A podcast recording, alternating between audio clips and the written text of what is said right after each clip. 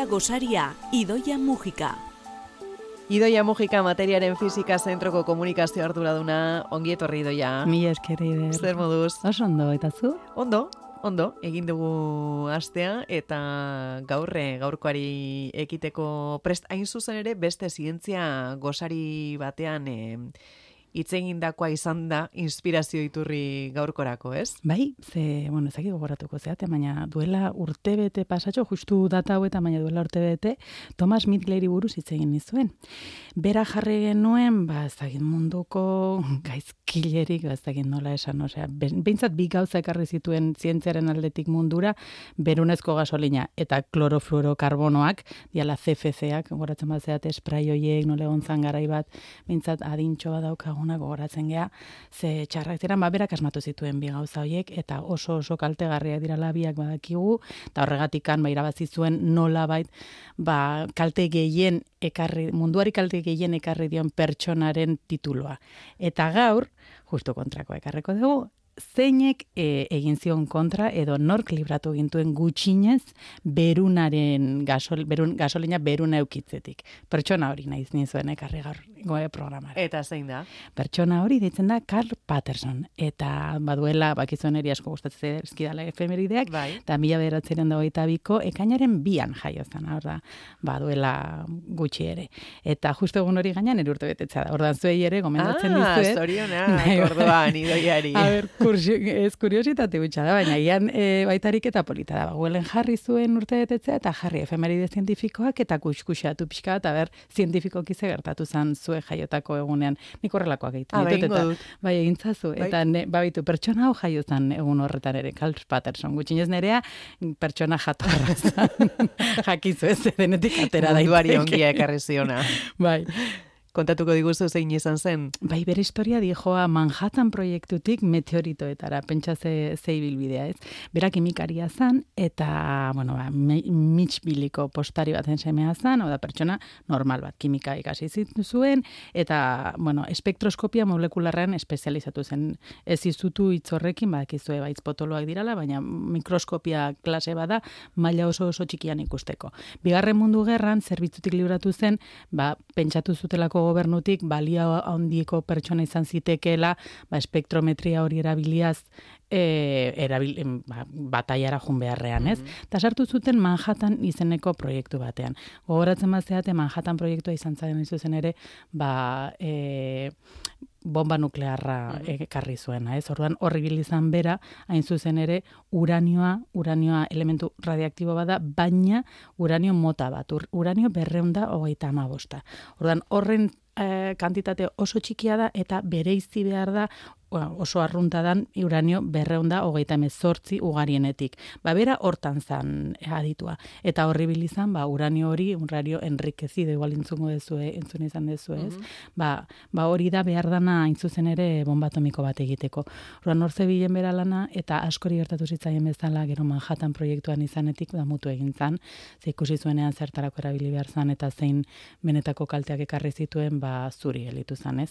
Bere, bere bizitza gero, bizitza zibilera itzuli zanean, guzti utzi zuen e, alde hori, alde batera, eta beste zerbaitetan espezializatutan, edo, bueno, bere jakinduria beste zerbaitetarako erabili zuen. Mhm. Tesi bat hasi zan egiten, Chicagon, eta Harrison Brown izagotu zuen. Eta arek eman zion klabea, ba, bere jakinduria guzti hori, beste nora baitean nola bideratu, ez?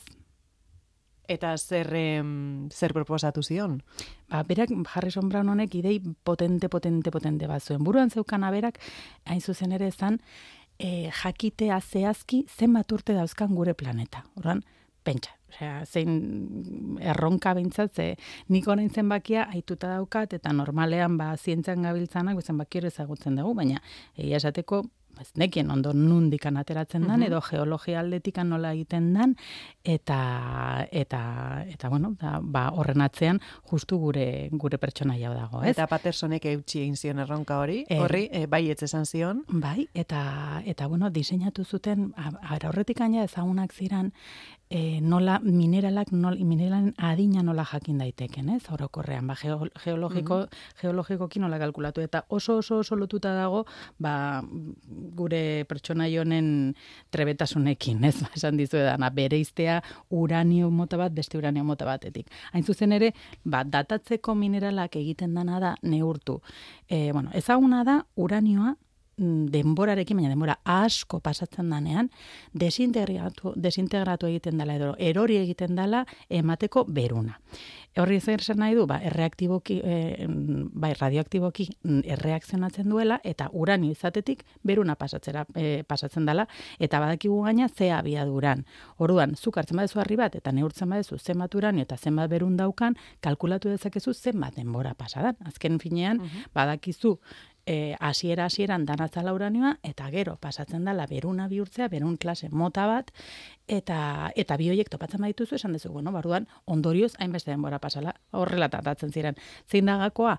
Ba, karo, jakin nahi badezu, hasiera hasiera hasiera hasiera hasiera sako non dagoen, e, dagoen topatu behar dituzu, ba hasieran lurra sortu zanean, ba ia eguzki sistema bera ere sortu zanean, ba zein harri zeuden, ez? Eta harri hoiek meteoritoak dira.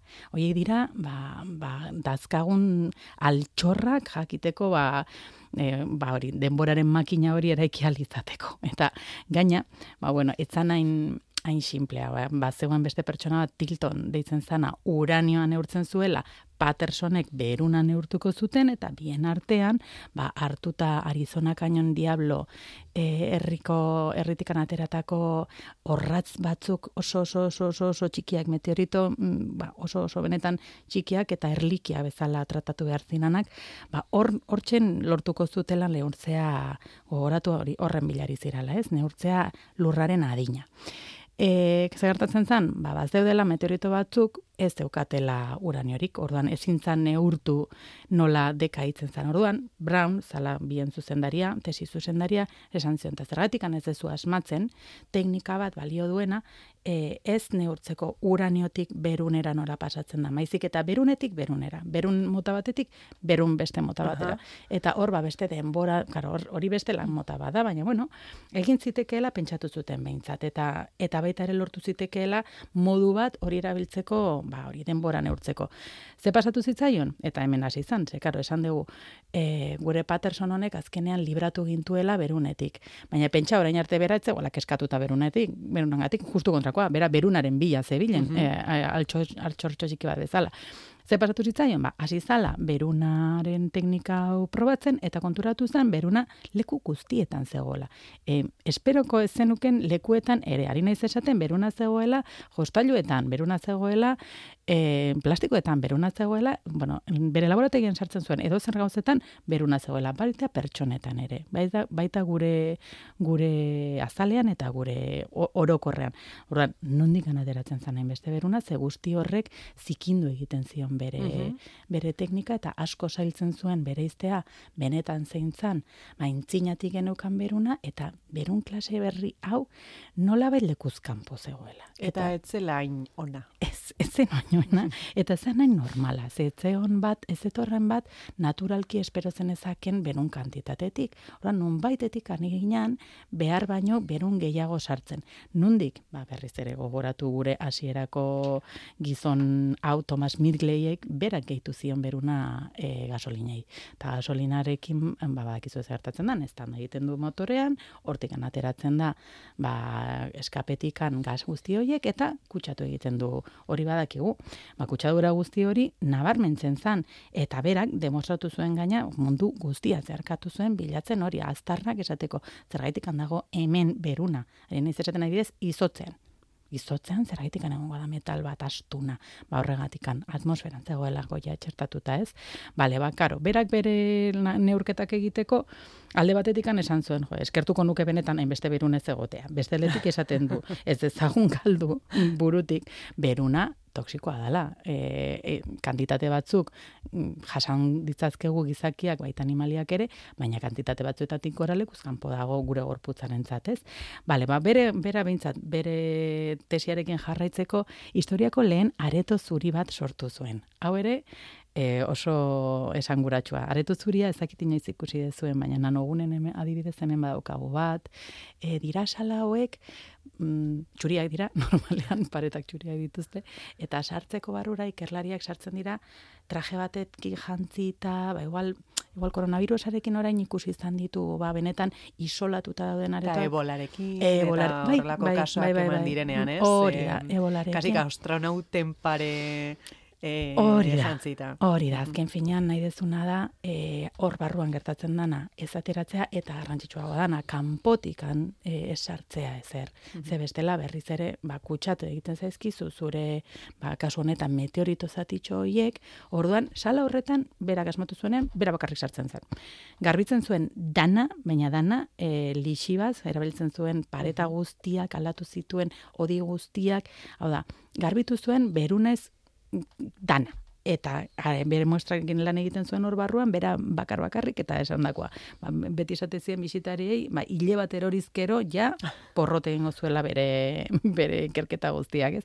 Baina, bueno, hori alde batetik, ba, bere ikerkuntza, baina beste aldetik, ba, borroka moduko bat hasi zuen, ze azken finean konturatu zen, esateko, bueno, ba, hau, aratago dijoa, ez? Ni nahi dut ba, lurraren adina jakin, baina eske bestalde topatzen ari naiz, ba, zenbaki batzuk, ba, ez zentzurik, adibidez, kalkulatu zuen, beruna to, e, topatutakoa atmosferan mila aldiz handiagoa zala. Ara. Ba, naturan, bai, naturan berez zegoena baino.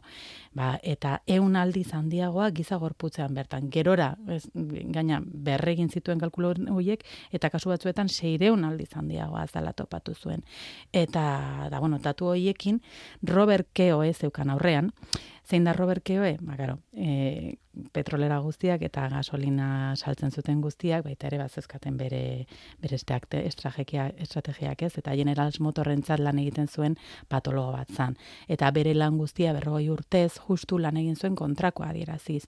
Ba, gorputza presegoela horrelako berun kantitateak toleratzeko, eta, eta, eta bere lan hori izan zan. Gaina, inoiz etzun berkamenik esan edo zuzendu bere, bere burua. Eta asko kostatu zan, baina denborarekin arrazoia eman zioten gure Patersoni, eta badakizuen bezala gaur egun, pentsatzen entzule askok ez dut ez dakitela ez da zertaz ari ginen, baina ni oraindik akordatzen naiz. Egon zala garai bat, transizio bat bezala, eta zukuten zinela gasolinegira, eta zegoen gasolina bat, plomorekin eta beste bat sin plomo aukeratu behartzen nuen. Gaur egun hori ez aukera bat, gaur egun debekatuta dago. Eta horri eina handi batean, ba, Patterson izor diogu. Baita ere egia da, ba, erabiltzen ziren katalizatzaile berriekin em, berunak etzuela funtzionatzen, eta orduan, ba, kendu zuten, baina eina handi batean behintzat arrazoia eman zioten, eta ba, bai gaude askotan esaten dugu, ez, ze punturaino e, gizakia izan daiteken gai aldatzeko natura, eta ber, ba, klima aldaketa hau eta guzti hau antrop antropogenikoa den edo ez, bazalantzari gabe, bai, izan daiteke, eta hau adibide on bat da, ze neurtu zuen eta ikusten zan argi eta garbi.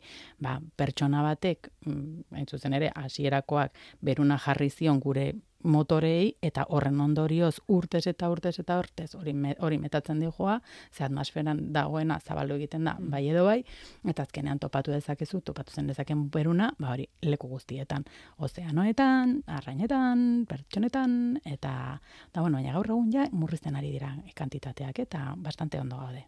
Ala beharrez. Bai. Ala beharrez. eh. ah, bueno, eta bide batez, lortu zuen lurraren adina kalkulatzea. Zen bat? lau mila bosteon da berrogeita mar milioi urte. Eta gaina zenbaki hori kalkulatu zuena bera gaur egun oraindikan ontzat ematen da, eta egin diran kalkuloetan ere hortekan oso gertu dabiltza. Beraz, benetan kimikari fina zan. Orduan, ba, bai, bihurtu zan esan dezagun, ba, beronaren kontrako aktivista, baina tartean ere zuen denbora bere, bera, ba, bere ilusioa zana ez, edo zenbaki hori, bere, zenbaki hori lortzen. Eta zuzeu ere, jaio zinela onenen egunean. Hoxe, hoxe, pertsona zoragarria jaiotzen dira bian. Benetan egintza zuharik, eta niri behintzat gustatu izan zait irakurtzea historia hau, eta ezagutzea pertsona ez nuen ezagutzen, eta ba, hola, googleatzen eta pixkat tuntuan egiten, ba, batzutan horrelako gozatu batzen ditu. Guk ere gustora entzun zaitugu baita gaurkoan ere, eta jarriko dugu ariketa hori, e, egin dezatela baita entzulek ere, ea beraiek eh, jaio ziren egunean em, Zea gertakizun zientifiko egon zan, bai. Idoia Mujika zorionak, Eskerrik asko. Ondo ospatu. Bai, eta aio. eskerrik asko zuri. Agur.